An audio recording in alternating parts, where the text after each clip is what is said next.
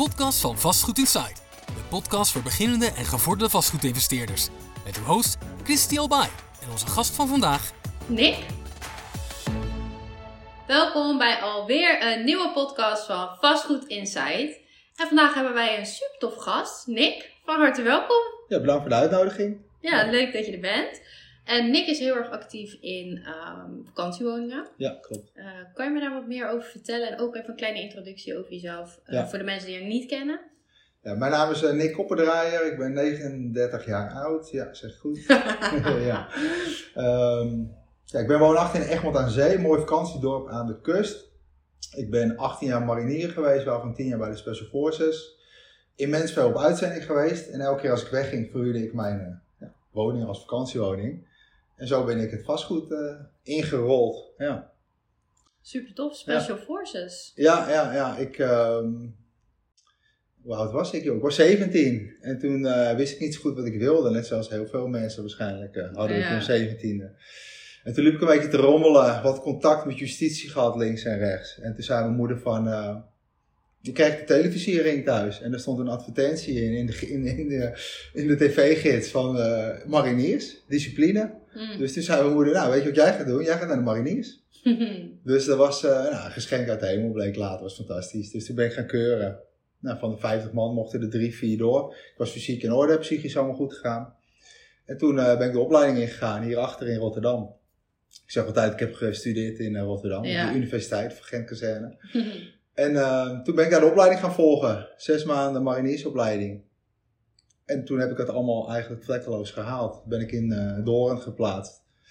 Ehm, ja, en toen ben ik marinier geworden. En ehm, dat heb ik tot eh, 2018 gedaan. Ja, Dat is wel echt super tof. ja. En, en de Special Forces, wat moet ik daar een beetje mee voorstellen? ja wat je, je hebt hier binnen Nederland heb jij twee smaken Special Forces. Mhm. Dus je hebt van de mariniers heb je de Marshof. Dat Mhm. eh, zijn de kickforce mannen, mountain leaders en de antiterreur eenheden. Die ook hier in Rotterdam wel eens dingetjes doen. Ehm, nou, ik zat bij de antiterreur eenheid en bij de mountain leaders. Ik ben geen kikker. Als ik zeg altijd, als ik onder de douche stond, dan heb ik het al benauwd. Dus dat ga ik niet doen. Gek schereld. Eh, en je hebt de commando's natuurlijk. Mhm. En ik zat bij eh, ehm, terrorisme internationaal. Dus wij gingen heel vaak met commando's op missie. Zo ben ik in eh, 2015 in Mali geweest. Mhm. 2016 eh, Noord-Irak. 2017 weer in Afrika. Ja, 2013 in Somalië. 2018 in Oeruzgan, Afghanistan. 2003 in eh, Irak. Dus ik heb eh, best wel veel missies eigenlijk eh, Ja. gedraaid. Ja. En het mooie is, dan ben je telkens vijf maanden weg. En ik had, ja, mijn ouders verhuurden al, al ja, woningen, vakantiewoningen al sinds 1983. Want in Egmond heb je ehm, het hele dorp, heb je gewoon rijkshuizen. Mhm. En daar staan vakantiewoningen achter. Het zijn gewoon ja, kleine appartementjes, twee slaapkamers. Eh, en die mogen aan, aan Duitse toeristen verhuurd worden. En mijn ouders verhuurden zelf ook kamers vroeger aan Duitsers. Dus ja, daar zaten die Simon met Vroestoek heette dat. ja, dat deed mijn moeder allemaal zelf. was wel grappig. En dan gingen wij van 7 tot half 8 ontbijten. Dekte zij de tafel. En dan eh, zaten die Duitsers daarna. Dus ik ben er echt mee opgevoed. En eh, mijn vader, die, hebben nooit echt doorgepakt, weet je wel, met Mhm. vastgoed. Maar het heeft mij wel aan denken gezet toen ik in, bijvoorbeeld in 2006, 2007 op zoek ging naar een appartementje. Toen dacht ik van ja, ik wil iets kopen, maar ik wil het wel recreatief kunnen verhuren Ja. als ik weer wegga. Ja. Dus toen ben ik eh, gaan kijken in Egmond. En toen kwam ik een appartementje tegen met een dubbelbestemming, wonen en recreatie erop. Mhm. En dat is gewoon een goudmijn, want ik mag hem vast verhuren, maar ik mag hem ook recreatief verhuren. Ja, dat is top. Dus eh, ik had die gekocht en eigenlijk niet snel daarna toen, ehm ja, toen gingen we naar Afghanistan toe, vijf maanden. Dus toen heb ik eigenlijk alles opgezet, uitbestedingsservice. Online was het toen nog niet wat het nu was. Mhm. Eh, dus heel veel via Duitse platformen. Ik heb een troubleshooter heb ik helemaal ingewerkt. Want ik wist wel hoe ik het wilde gaan doen. Want mijn ouders deden dat altijd al. Ja. En ehm, ja, dus voordat ik weg was, had ik eigenlijk al eh, de eerste 5000 euro verdiend. Ik vraag gewoon 1000 euro voor een week met zo'n woning. Ja, en dan, dan ja, dat loopt gewoon hartstikke goed. Dus daar, je, daar word je gewoon heel enthousiast van. Ehm, ja, en dat is eigenlijk zo de hele winter doorgegaan toen. En toen kwam ik terug van missie. Toen kocht iedereen al dure motoren, mooie auto's. Maar daar gaf ik, geef ik eigenlijk nog steeds helemaal niks om. Ik, vind het veel leuker om lekker te surfen en eh, ja, leuke dingen te doen, zeg maar. En niet zoveel aan materiële zaken. Dus ik dacht, weet je, ik ga die hypotheek aflossen. Dan, eh, want ik had daar ook best veel geld verdiend. Ja. En in Afghanistan kun je het ook niet uitgeven. En dan moet het echt uit je hand geschoten worden of zo, weet je. Dat ga je gewoon niet kwijtraken daar. Dus eh, ik heb toen alles geherinvesteerd in mijn hypotheek. dat heb ik eigenlijk elke keer gedaan. Ik heb nog een, uh, een opleiding gedaan in Engeland van een jaar. Weer een huis verhuurd. En weer herinvesteren in mijn woning. Totdat ik Priscilla, mijn vrouw, ontmoette. En ja, ik ging naar de bank toe in, in 2014, of naar mijn financieel adviseur. En hij zei, ja, wat, uh, dus even alles op, hè, wat heb je? Je hebt toch al een hypotheek? Ik zeg, nee, die heb ik eruit gewerkt. Heb je die eruit gewerkt? Ja, en toen wist ik helemaal niks van investeringsbanken, van, weet je ik wist dat gewoon niet toen nog. Ja. Alleen had zo immens veel ruimte hadden we toen, omdat ik gewoon een afgeloste woning had, die ook weer meer waard was geworden. Dus dat vond de bank heel fijn. Konden we best wel veel lenen. En toen kon ik dus zo'n rijtjeshuis kopen met een vakantiewoning erachter. En ik had mijn eigen appartement nog. En toen ging het heel hard. Ja. Want uh, daarna ben ik nog vier keer op missie geweest. Um, ik zeg altijd, we deden samen de verhuur. Dat heeft gewoon uh, mijn vriendin destijds gewoon uh, gemanaged en opgepakt. En um, zo zijn we daarmee gestart. En toen hadden we twee verhuurobjecten. Toen op een gegeven moment in 2016, toen kwam een maat van me naar ons toe. Die had ook vier, vier appartementen gekocht. In Egmond. En die vroeg van, joh, het gaat goed bij jullie. Willen jullie het beheer doen? Dus toen ja. zei mijn vriendin, ja, dat, dat, dat, wil ik wel gaan doen. Dus die heeft toen het, is het beheer gaan doen. Toen zijn we ook in die periode, want zijn vriendin was heel ziek, zijn we met Michael Pilatschek in aanraking gekomen. Mhm. Een stukje mindset, wat, ja, wat je gewoon nodig hebt als je gaat Ja. ondernemen. Ik had nooit gedacht dat ik weg zou gaan bij Defensie. En ehm, toen, toen ja, zijn we daar naartoe gegaan. Toen kwam ik erachter van, ja, wat willen we nou echt in het leven? Ja. Wil ik helemaal leven? Want toen ik tekende, namelijk als marinier, was het 52. Nou, dat was ondertussen al 63 geworden. Ja, ik denk, ga ik voor de tiende keer naar Afghanistan, weet ik veel wat, weet je. Ik zeg, was drie keer opgeblazen ook ondertussen. Dus eh, ja, echt letterlijk. Dus, eh, Nee, niet. Ja, ja, wat, ja. wat was er gebeurd? Ehm, ja, in Afghanistan zat ik bij de genie en die liep voor de troepen uit en wij moesten de bermbommen opsporen. Dus dat was op voetpatrouilles en eigenlijk alles wat bereden was. Dus alle konvooien die begeleiden wij. Ehm, en dan liep ik met een soort van, eh, zo'n, zo'n hoe heet het, zo'n metaaldetector voorop. Ik was wel de teamleider, dus die jongens van mij liepen voorop. En ehm, de allereerste keer, dat weet ik nog wel, dat was in november, 20 november, of 21 november 2009. Om tien over tien s'morgens, en dat was echt een klapper. Toen waren wij op eh, patrouille, waren net een week daar. Die week ervoor zat ik nog op Caribbean Weekend in de kroeg in Egmond. dus eh, we waren ook nog niet helemaal ingeslingerd qua mindset. Weet je. je moet in zo'n missie moet je groeien. En eh, de Taliban ging ons even testen toen. En dat hadden ze echt goed gedaan. Eh, achteraf gezien. Want wij zijn echt, ja, je hebt, je hebt zeg maar de rivieren daar en daar, eh, daar, is het, daar leeft iedereen. Daar is de green zone, daar zitten de boertjes. En daarbuiten is de woestijn. Dus we moesten ergens bij iemand praten, want het was een opbouwmissie. En, eh, maar de Taliban, die wist als we gaan schieten met hun, dan bellen wij een Apache en dan komt er een, een, een vliegtuig of een helikopter aan en dat kunnen we niet winnen. Mhm. Dus hun hadden allemaal bermbommen hadden ze gemaakt. En dan moet je denken aan granaten in een, in een soort zandzak met een telefoontje eraan en bellen ze aan het telefoontje en dan ontplofte dat ding elektrisch. Dus we waren heel inventief daarmee geworden. En ehm, ja, onze job was om die bommen te vinden, te markeren dan. En dan kwam de EOD met zijn robotje en dan ging hij hem ontmantelen. Dus wij hadden een soort rugzak hadden we met een jammer erin. Die zendt een parapluutje uit dat dat telefoontje niet, dat is sterker als dat telefoontje, eh, dat signaal. Dus dan Ja. kunnen we er veilig heen. Alleen het eh antennetje was gebroken, dus op de weg in hadden we gemaakt met duct tape. Eerste les, we hadden om moeten keren. Ja, niet gedaan, dus wij door, door, door. En op een gegeven moment, eh, ja, je van tevoren heb je ook de training in Nederland. Liepen wij ergens.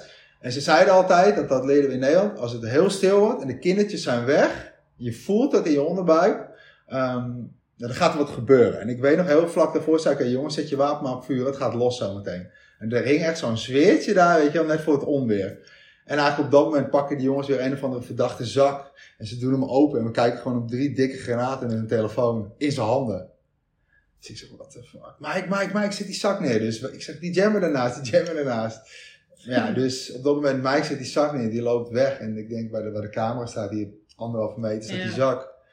En eh, Mike zet hem neer, die loopt weg. En toen was het, en toen ging hij af, want die jammer was niet goed.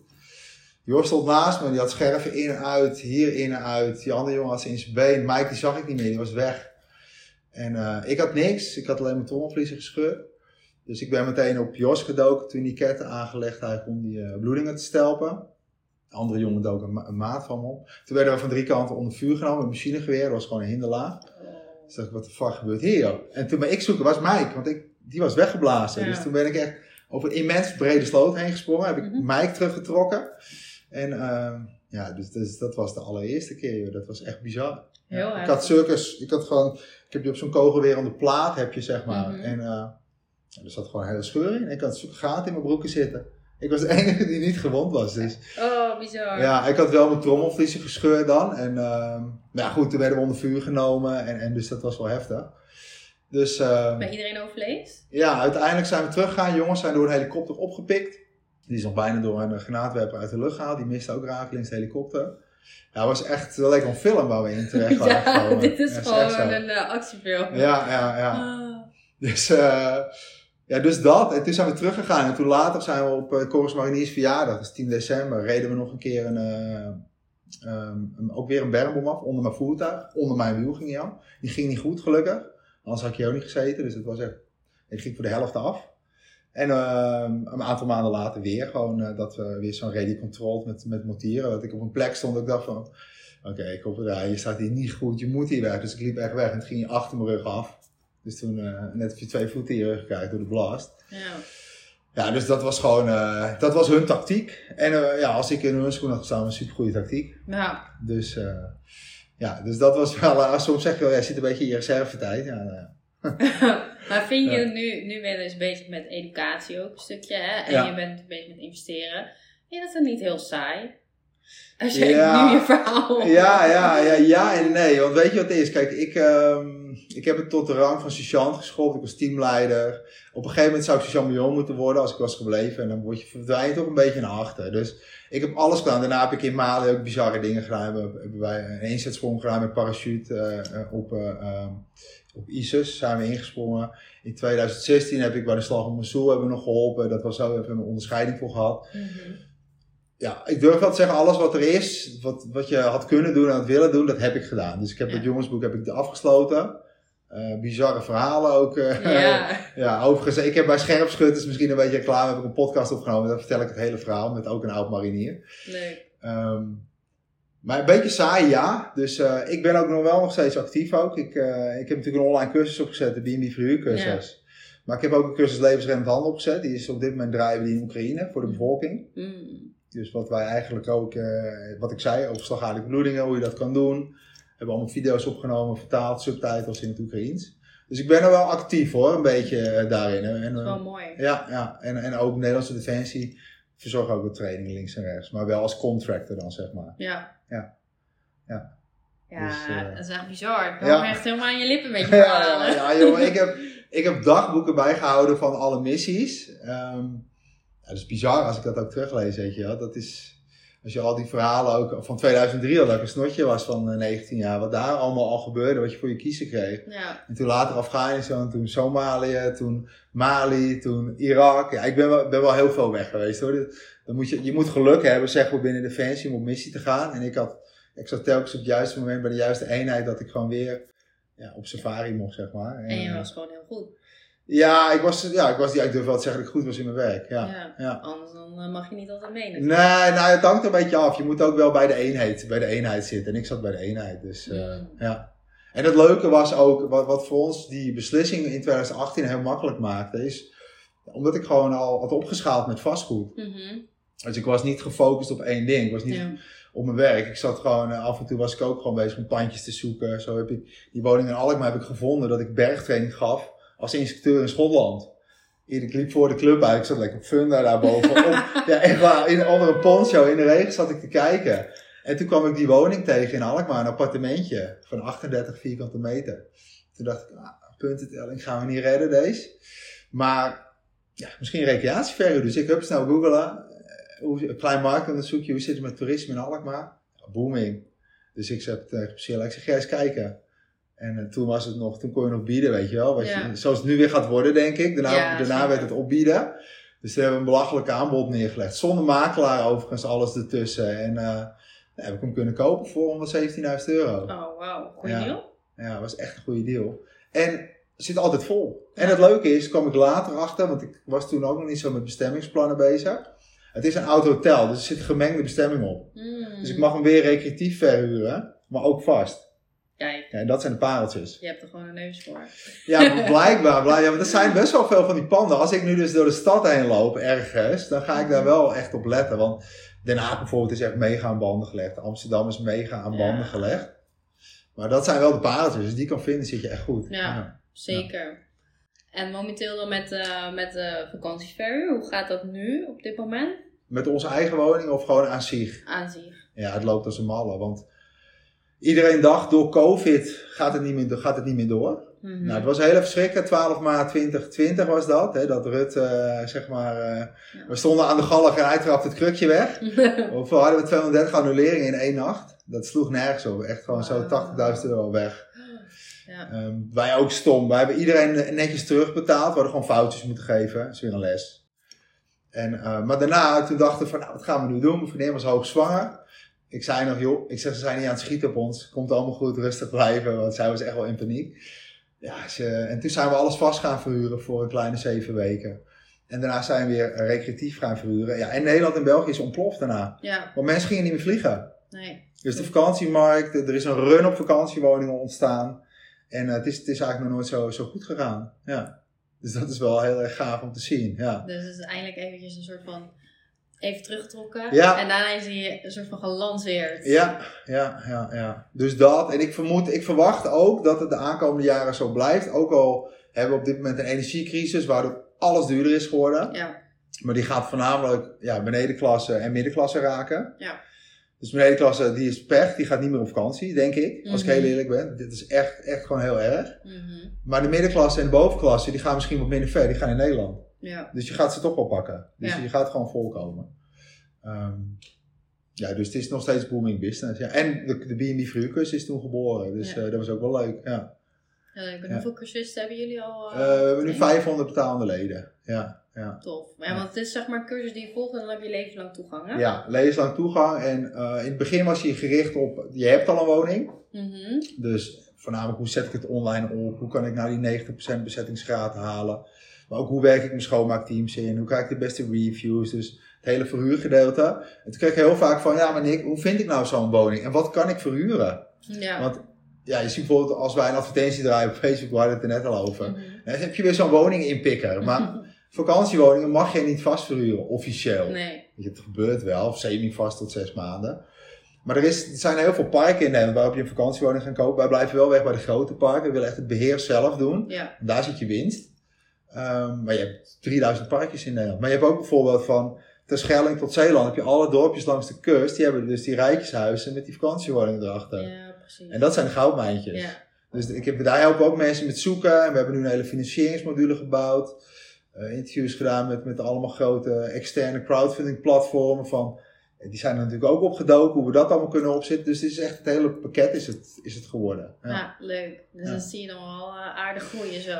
In buitenland zijn we mee begonnen. Tenminste, we gaan zelf in Tenerife wat kopen aan het einde van het jaar, begin volgend jaar. Leuk. En dan, eh, ja, dat hoor je ook vaak. Ja, dat, dat, hoe, hoe ga je dat doen dan met de beheer en zo? Ja, ik ga ter plaatse gewoon een team zoeken van een schoonmaker, een troubleshooter, een wasser, weet je wel. En alles dubbel-dubbel. Ja. En beheer kunnen we gewoon zelf online doen. En dan is het plan om daar van november tot maart zelf te gaan verblijven. Ja. Gewoon wat lekker is. en de rest van het jaar, ja, de rest van het jaar gaan we hier zitten. Ja. Ja, dus, dus dat. En ehm, toen kwamen we erachter ja, van oké, er zijn ook wel heel veel mensen in Spanje die een woning hebben, maar die er niks mee doen. Ja. Dus die zijn we nu ook een beetje aan het contacten en aan het benaderen. Ja, leuk. Vier weken terug zijn we uitgenodigd bij eh, Andy en Melissa van der Meijden. Ik weet niet, ken je die voetballer is dat? En ze Ja, hebben die reality show. Ja, ja, ja. Nou, we hebben een hele dikke villa in Migas. En eh, zij benaderen ons via Instagram van joh, ik ga dit verhuren, maar hoe dan? Ja, leuk. Dus toen zei ze, kunnen jullie langskomen? Dus eh, we hebben twee kleintjes thuis. Ik denk, ja, ik ga heen. Ik kan even twee nachten doorslapen. Dus, dus toen ben ik heen gevlogen. En toen heb ik daar, eh, ja, heb ik hun alles verteld hoe het zit. Dus hun gaan ook daar starten. Maar toen deed ik ook marktonderzoek, bijvoorbeeld Malaga, Marbella regio. Mhm. En ik dacht, het valt een beetje stil daar in de winter. Ik dacht, het is een beetje koud, 15 tot- tot 20 graden. Dat was echt wel een hele erg leuke kant hoor, om eens te kijken. Want heel hoge bezettingsgraad. Klopt. Dus dat is, ja, en prijzen, ja, hangt er een beetje vanaf. Maar voor twee ton koop je echt wel een, een leuke woning. Zeker. Financieren is ook niet al te moeilijk. Ze gaan een beetje kijken naar je hypotheken die je hier hebt en je inkomsten uit dan vaste loondienst of eh, als, als... Ja, wat ik zo had begrepen had je iets van 80, 90k nodig, eigen geld, om daar iets aan te kopen. Ja, zeg het 20, nou, we rekenen met 30% inderdaad. Dat hangt een beetje vanaf welke prijscategorie je gaat kopen. Ja, inderdaad. Want ik had eh, zeg maar mentees van mij die met mij in Nederland hebben gekocht. Ja, Die met het buitenland eh, in zeg maar die regio Ja. met René Kooijman eh, een woning eh, onlangs gekocht. Dus Ja. op het begin was het allemaal goed gegaan. Ja, Dus ja, dat is super, super vet. ja. Ja, het is heel lucratief. Toevallig zag ik van René ook een video. Ja, hij zegt recreatief verhuren. En, Ja. eh, ja, dat werkt daar gewoon het beste. En eh, dat is ook wel een beetje waar wij mee zitten te schermen nu met Tenerife. Want ik deed marktonderzoek in die regio. En stel je voor, hè, er komt weer zo'n corona eh, geneuzel, durf ik dat zeggen hier, denk ik. Ja, dat is Ik ben er een beetje klaar mee. Maar ja, weet je, in, in Tenerife, mensen in Tenerife gaan niet in Tenerife op vakantie. Dus dan hebben wij een slechte deal daar. Dus dat is een Mhm. risicootje die we nemen. Maar in bijvoorbeeld Marbella-omgeving, als je daar gaat kijken, dan doe je bijvoorbeeld, ga op Airbnb kijken naar de reviews, gaan er ook Spanjolen daar op vakantie. Dus je doelgroep, je hebt Zweden, Spanjolen, Denen, Engels, Nederlands, Duitsers. Maar als alles op slot gaat, dan komen die Spanjolen even goed met de auto. Dus dan heb je even goed een markt. Ja. En dat heb je op Tenerife niet. Dus zo zijn wij ook weer dieper aan het kijken. Hè, van, ja, hoe werkt dit allemaal? En ik, en ik kijk ook altijd van, ehm, ja, hoe lang kan ik hier verhuren? Daarom kijk ik bijvoorbeeld naar Canarische eilanden. Want daar is het in de winter echt gewoon heel lekker. Ja. Lekkerder als in Malaga. Ja. Want daar heb ik gewoon wel, ik durf wel te zeggen, 45 weken gewoon ja, een, midden-hoogseizoen prijzen. Ja. En dan heb je gewoon enorme omzetten die je daar gaat halen. Zeker, ja. Want wat is nou ongeveer de ROI die draait op... eh, Ja, dat vind ik altijd heel lastig, hè? want de vragen in de vastgoedwereld zitten met de bar en de nar. En ehm, ja, het hangt, er, het hangt er een beetje vanaf als jij, eh, maar ik denk dat ik durf wel te zeggen dat je naar de 15 tot 20 procent gaat. ja. Ja. Ja, als je hem zo wel- gaat bekijken. Ja, precies. Maar dan moet je denk ik wel wat meer effort in stoppen, denk ik. Maar als je zelf beheer doet en... Eh, Je doet eigenlijk alleen de boekingen doe je zelf. Mm, Want de rest moet je allemaal uit gaan besteden. ja, klopt inderdaad. Ja. Dus schoonmaken. Niet doen. Mijn vriendin in het begin, oh nee, nee, perfectionist, het moet schoon. Nee. Ik zeg, kappen nu met, met dat gedoe. Ik zeg, eruit schoonmaken, anders kunnen we niet schalen. Ja, Dus eh, ja, en dat is, ja, ook die, daar hebben we heel veel dingen in geleerd. Die moet je echt, want je, je komt niet meer in die woning daarna, dus het moet wel tip-top zijn. ja, Dus daar hebben we ook allemaal draaiboekjes voor gemaakt, hoe jij dat zeg maar goed kan krijgen. En trucjes, ook als je er niet bent, hoe je dat kan controleren. Ja, camera. ja camera, foto's, eh, ja, dat soort zaken. Ja, dat is gewoon een foto achter moeten laten. Elke keer als ze schoonmaken. Dat je in ieder geval Ja. zelf ook hebt gezien. En het maar ook waarderen, hun een bonusje geven als het netjes is. Ja, Weet je wel? Ook als je een goede review krijgt, hem doorsturen, want dat motiveert hun ook weer. ja. Ja, dus, eh, ja, dus op die manier werkt dat gewoon allemaal. En eh, werkt het ook in het buitenland. Ja. Nice. Ja. Heel tof. En jullie zijn dan met z'n tweetjes begonnen. Ja. En eh dat hebben dat helemaal uitgebouwd in Nederland. Hoeveel wonen, vakantiewoningen hebben jullie? We hebben zelf nu eh, zes woningen in Egmond. Mhm. Ehm, we hebben er 19 in beheer. Dus we Mhm. beheren ook zeg maar, voor mensen Ja. die het niet doen. Ja. En één groot château met 12 kamers, een soort kasteel in Frankrijk, die we beheren van iemand. Ja. Dat is wel heel tof. Ja, ja. En toevallig heb ik laatst, eh, kreeg ik een deal aangeboden. En dat is echt de kracht van het netwerk. Mhm. Eh, van diezelfde ontwikkelaar, die had een, een, een, ja, oude boerderij gekocht. Heeft die, heel, eh, die, die vergunning heeft hij omgebouwd naar recreatie. Mhm. En daar konden we voor anderhalf miljoen zouden we het over kunnen nemen. En uiteindelijk heb ik die deal niet door laten gaan, omdat ik kreeg niet de juiste appartementsrechten erop. Dus ik kon het wel voorfinancieren, maar ik kon daarna niet meer naar de bank. Want ik moest die appartementsrechten hebben. Ja. En eh, ja, dat komt wel. Ik zeg, ja, dat ga ik niet op gokken nu in deze markt. Want dan eh verspeel ik mijn vier azen die ik heb. Ja, anders hadden we, maar dan hadden we er wel één klap vijf bij gehad en een kantoor en een woonboerderij. Kijk. Dus met de, de ruimte is er, maar net, ja, we hadden het er net ook al over. Moet je nu haast hebben in deze markt? Ik heb geen haast. Nee. Zien we een goede deal, zeg ik ook tegen onze cursisten. Ja, koop altijd met de rekenmachine. Dus wij hebben een, een strategie ontwikkeld waar we het rendement gaan berekenen. En aan de hand van het rendement kan je kijken welke financiering ga ik doen. Overwaarde, crowdfunding, privé-investeerders, eh, joint ventures. Er is van alles mogelijk natuurlijk. Eh, maar je moet wel eerst weten van hey, wat ga ik ongeveer draaien. En ook daar maken we weer een plan A, B en C. En een plan A is recreatief. Plan B is van nou, toeristen komen, ik ga semi-vast verhuren.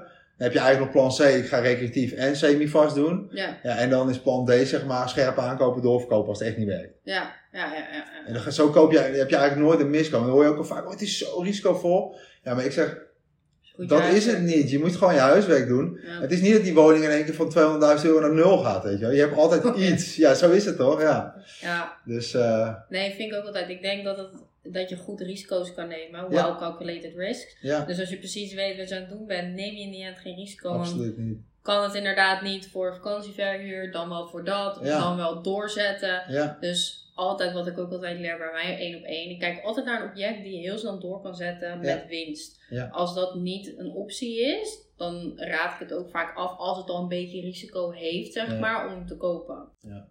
Want dan zit je straks met een gebakken peren. Dat is Ja. niet helemaal de bedoeling. Ja. nou, maar dat is ook zo. En toevallig heb ik laatst heb ik een eh, rekensom gemaakt van, ehm, we kopen nu een woning aan voor 2 ton. Ja, Tegen, eh, er staat, eh, waar stond de rente op 2,2%. Of ik koop een woning aan en we hebben die 30% correctie gehad, waar iedereen het over heeft. ja, Nou, dan is die 140 tegen 4,5% rente.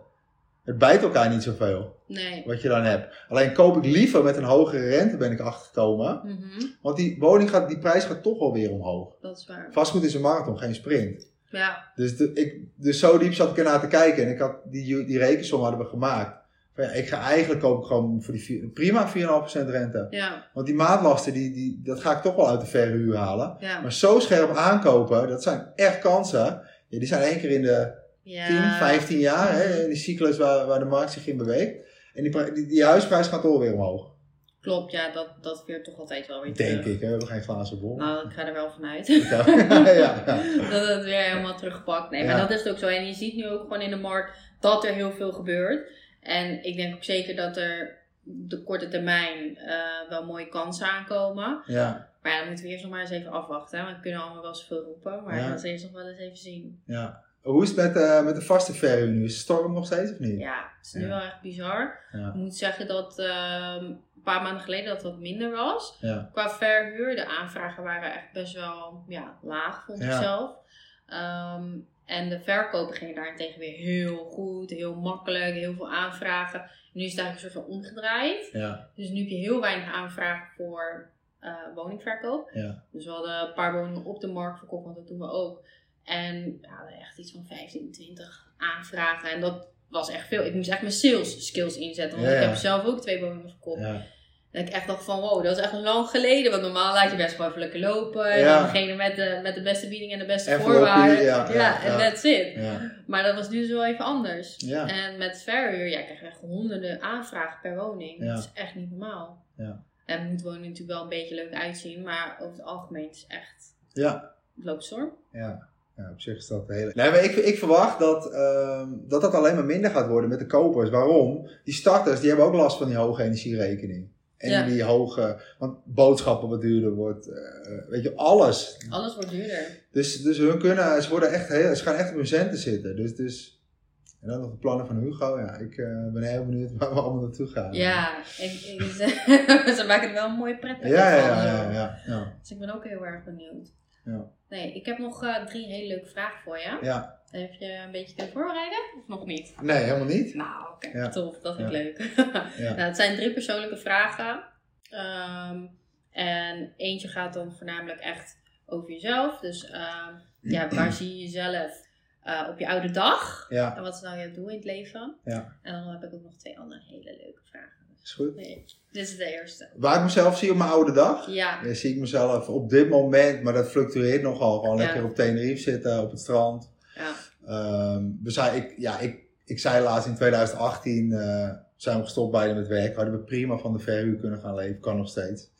Maar Toen zijn we toch die cursus gestart. ja, Dus ik zal altijd wel iets doen, maar ik, ik wil graag de keuze hebben om Mhm. iets wel te doen of iets niet te doen. ja, Dus zo zie ik eigenlijk de oude dag een beetje voor me. En Priscilla zegt altijd, jij gaat toch niet stoppen met werken. Dus dat.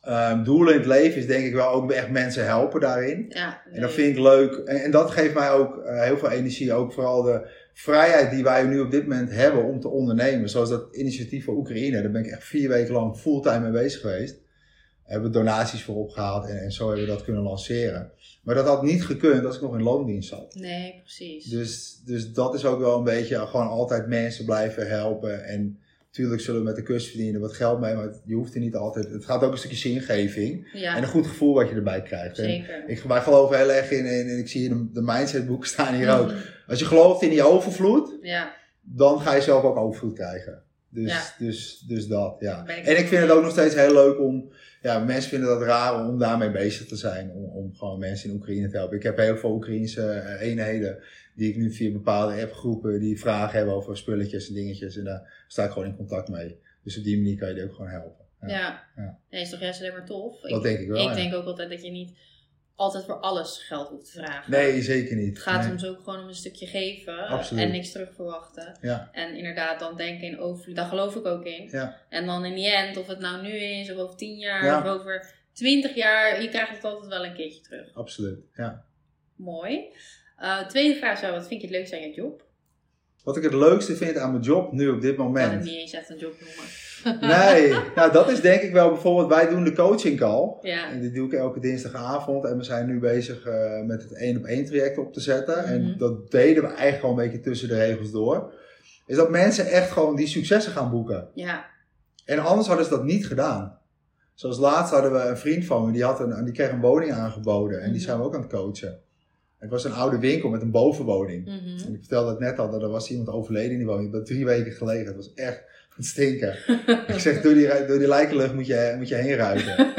En hij zegt, ja, zal ik het doen, zal ik het niet doen? En uiteindelijk heeft hij het wel gedaan. Mhm.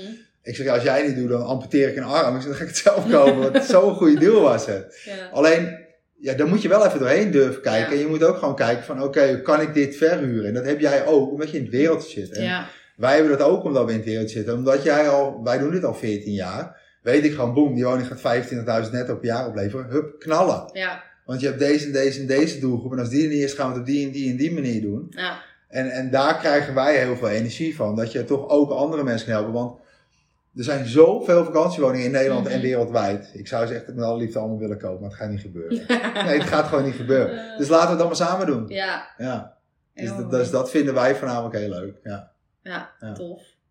Heel nice. Ja. En hoeveel eh, woningen heb je nu? Heb je daar overzicht over van hoeveel je al met je cur- cursisten hebt aangekocht in totaal? Jee, ja, nee, nee. Ik, ik zat toevallig laatst zag ik wel dat een andere eh, eh, cursus aanbieder dat zeg maar had. Mhm. Maar ik denk dat we wel over de 150, 200 woningen heen gaan nu. Ja.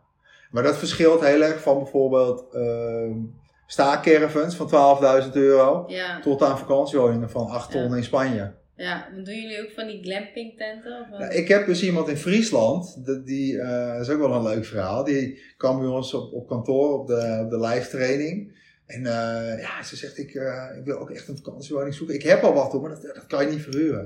Ik zeg, kan je niet verhuren? Ik zeg, eh, ik zeg welke link is het? Dus ik deel het even op groot scherm. Op, eh ehm, ze had hem op Marktplaats, wilde ze had ze hem al staan voor de verhuur. Hartstikke leuk saletje eh, in Friesland, bootje erbij. Ik zeg, ja, maar je bent niet je eigen gast. Dus ehm, toen vroeg ik aan iedereen, zeg, wie zou dit wel huren? Nou, er gingen van de 12 handjes gingen er 8, 9 omhoog. Ik zeg, zie je, er is een markt. En, en dus, ja, wat wel het nadeel is van zo'n chalet, is het schrijft af. Ja. Woning wordt meer waard. Deze, is na, na- deze was na 10 jaar echt klaar. Ja. Dus dan, eh, dan kun je hem misschien gratis laten ophalen dat hij ergens naar het Oostblok gaat. Ja. Maar hij kostte ook niet de wereld. Hij was 25.000 euro. En ze hebben hem daarna, hebben ze hem geloof ik 10, 15 weken voor, voor eh, 900 euro per week verhuurd. Mm. Dus over ROI gesproken, ja. Ja. zij hebben hem in anderhalf seizoen eruit. Er zit wel een beetje parkkosten op, bij hè, afval, stromen en dat soort zaken zit Ja. erop. Maar wel heel erg leuk om dat te hebben. In het wereldje zitten, trucje te leren. Ja. En eh, om daarmee te beginnen. En er zijn nu best wel wat parken waar die ook op staan, die, die chalets. Ja. Wel echt, echt een tip, let op, wat, wat, want heel veel van die parken worden opgekocht door de grote jongens. En die schuiven jou de lachend af en die zetten een hele mooie stenen bungalow neer van 5 ton en dan heb je helemaal niks meer. Dat Ja. gebeurt ook. Dus het is, ja, het- ze zeggen altijd je belegt buiten AFM-gebied, is 100% waar. Dus daar hebben wij een hele checklist voor gemaakt. En moeten allemaal op groen staan, anders niet doen. Nee. Want Nee, dan, eh, precies. ja. Ja, ik ken wel een partij Europarks bijvoorbeeld. Ja. Daar zijn wij ook best wel goed mee. Ja, Mijn compagnon die kent de eigenaar heel goed. ja, Ehm, dus ik weet dat hun nu bezig zijn om allemaal dingen op te kopen. Ja. Maar hun zijn dus ook eh, begonnen met een, een camping gewoon opkopen. En hebben het helemaal uitgebouwd. ja. Bizar verhaal. Ja. ja, dat is wat Europarks doet. En dat is heel passief, zeg maar, investeren. En ik, ik ben persoonlijk niet echt heel erg te spreken over de rendementen, dus mij ga je daar niet zien. Nee, snap ik Maar voor ieder wat wil, zeg ik Ja, altijd. Is het ook, ja. Weet je wel? Want sommige mensen zeggen ook, ja, waarom een cursus? Ik zeg, ja, sommige mensen hebben daar behoefte aan. En iemand die daar geen behoefte aan, gaat het lekker zelf doen. Ja, Weet je wel? Dus, eh, vind ik ook. want die mensen gaan waarschijnlijk ook naar de Europarks toe. Ja. Ja. Ja. ik denk ook inderdaad, sommige mensen willen het ook gewoon graag zelf doen. Ja. En zelf alles weten. Ja. Ik ben er zelf ook zo'n persoon die Ja. alles eerst zelf wil weten. Voordat ik het überhaupt helemaal ga uitbesteden. Want dan weet ik gewoon wat er gaande is. In mijn hoofd moet het kloppen. En als ik het niet snap, dan krijg ik een error. Ja, ja. ja maar ik heb exact hetzelfde. Perfectionistisch en creatief, denk ik dan. eh.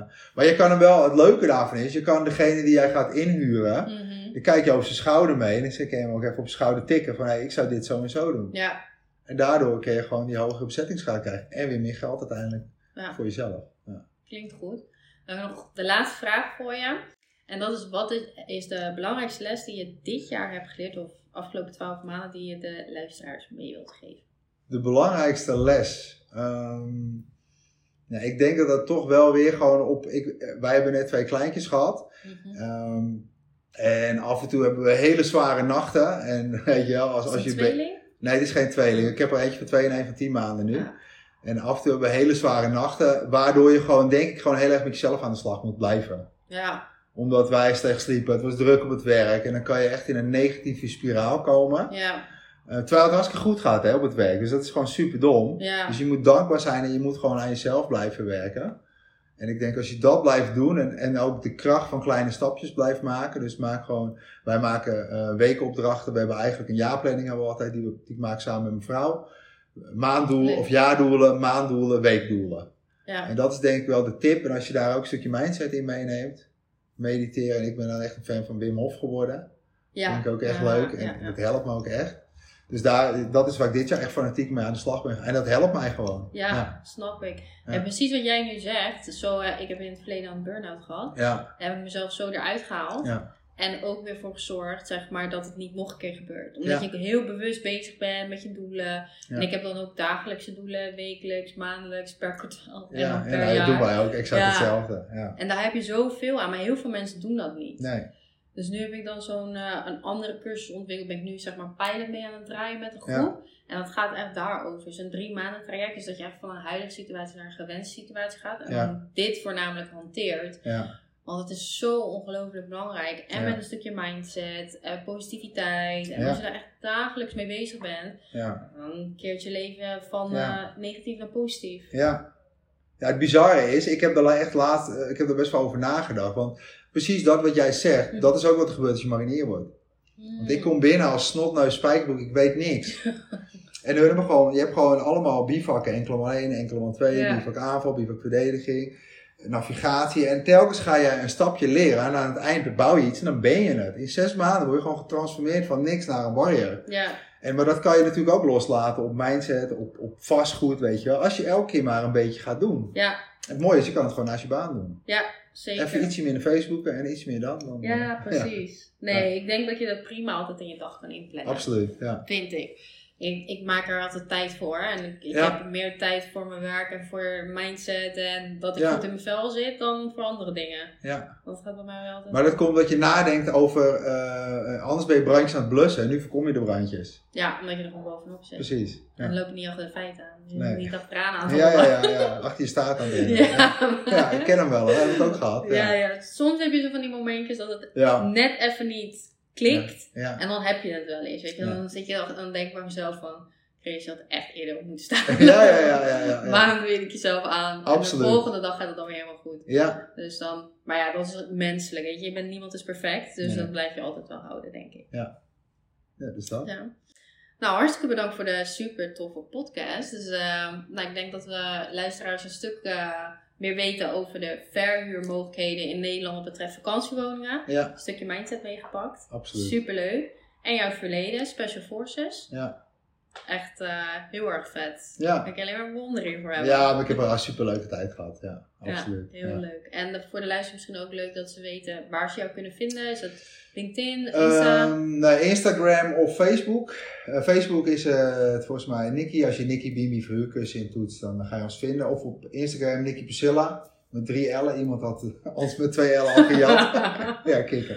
Ja, dus eh daar ga je ons wel vinden. Of je doet Nicky Koppendraaier op Google. Dan, eh. Het Ja. beste werkt even volgen via Instagram of Facebook. Ja. Ja. Ja. we doen ook een aankondiging. Dus kunnen jullie ook even taggen en dan kunnen de luisteraars uh, naar jullie doorklikken. Nou, hartstikke bedankt voor je komst. Graag gedaan. En voor de luisteraars hartstikke bedankt voor het luisteren van deze podcast. En dan wens ik jullie een hele fijne dag. Ciao, ciao! Doei doei. Nogmaals bedankt voor het beluisteren van onze podcast. Vind je onze podcast leuk? Laat dan een review achter. Of wil je meer over ons weten? Volg ons dan op Instagram via @matchpropertymanagement en @christialbae. De podcast wordt mede mogelijk gemaakt door Match Property Management en Match Wonen.